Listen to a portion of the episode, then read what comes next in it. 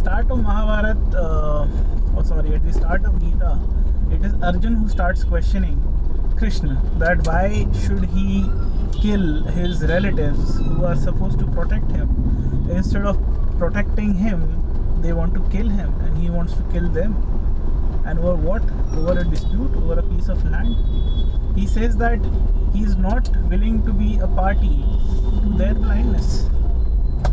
He cannot reply blindness with blindness.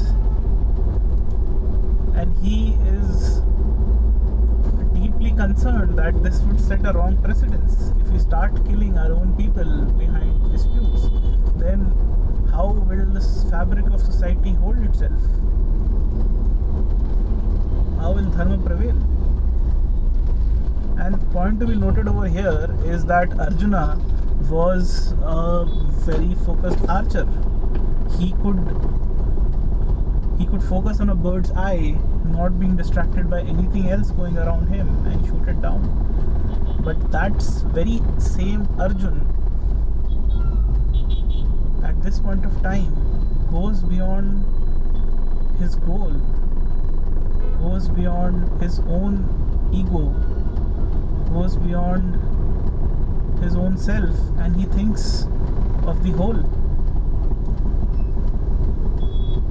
And the point to be noted over here is that he drops his ego and he looks at things from a very different perspective. He is in a state where he wants to do darshan. And that's when Arjun engages with him and Arjun tries to bring him back to his focus, remind him what he ought to do.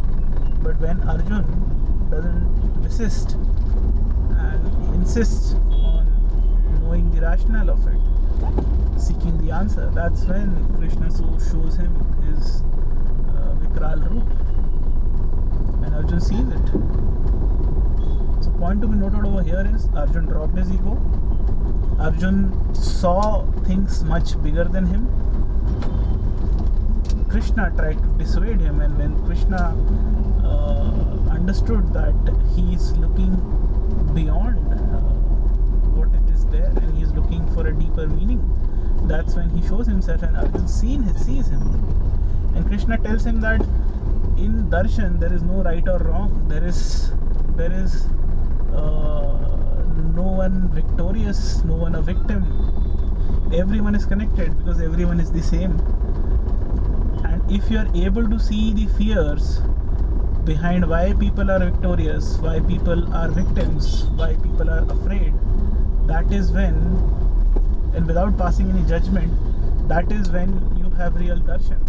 So, what Krishna means over here is that look at the truth in its entirety. Be a Bhagavan. Don't consume a bhag of truth. Be a Bhagavan and see the reality for what it is.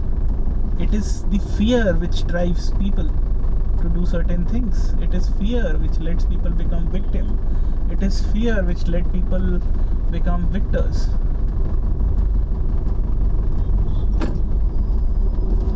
Because that is a fundamental emotion which drives the world.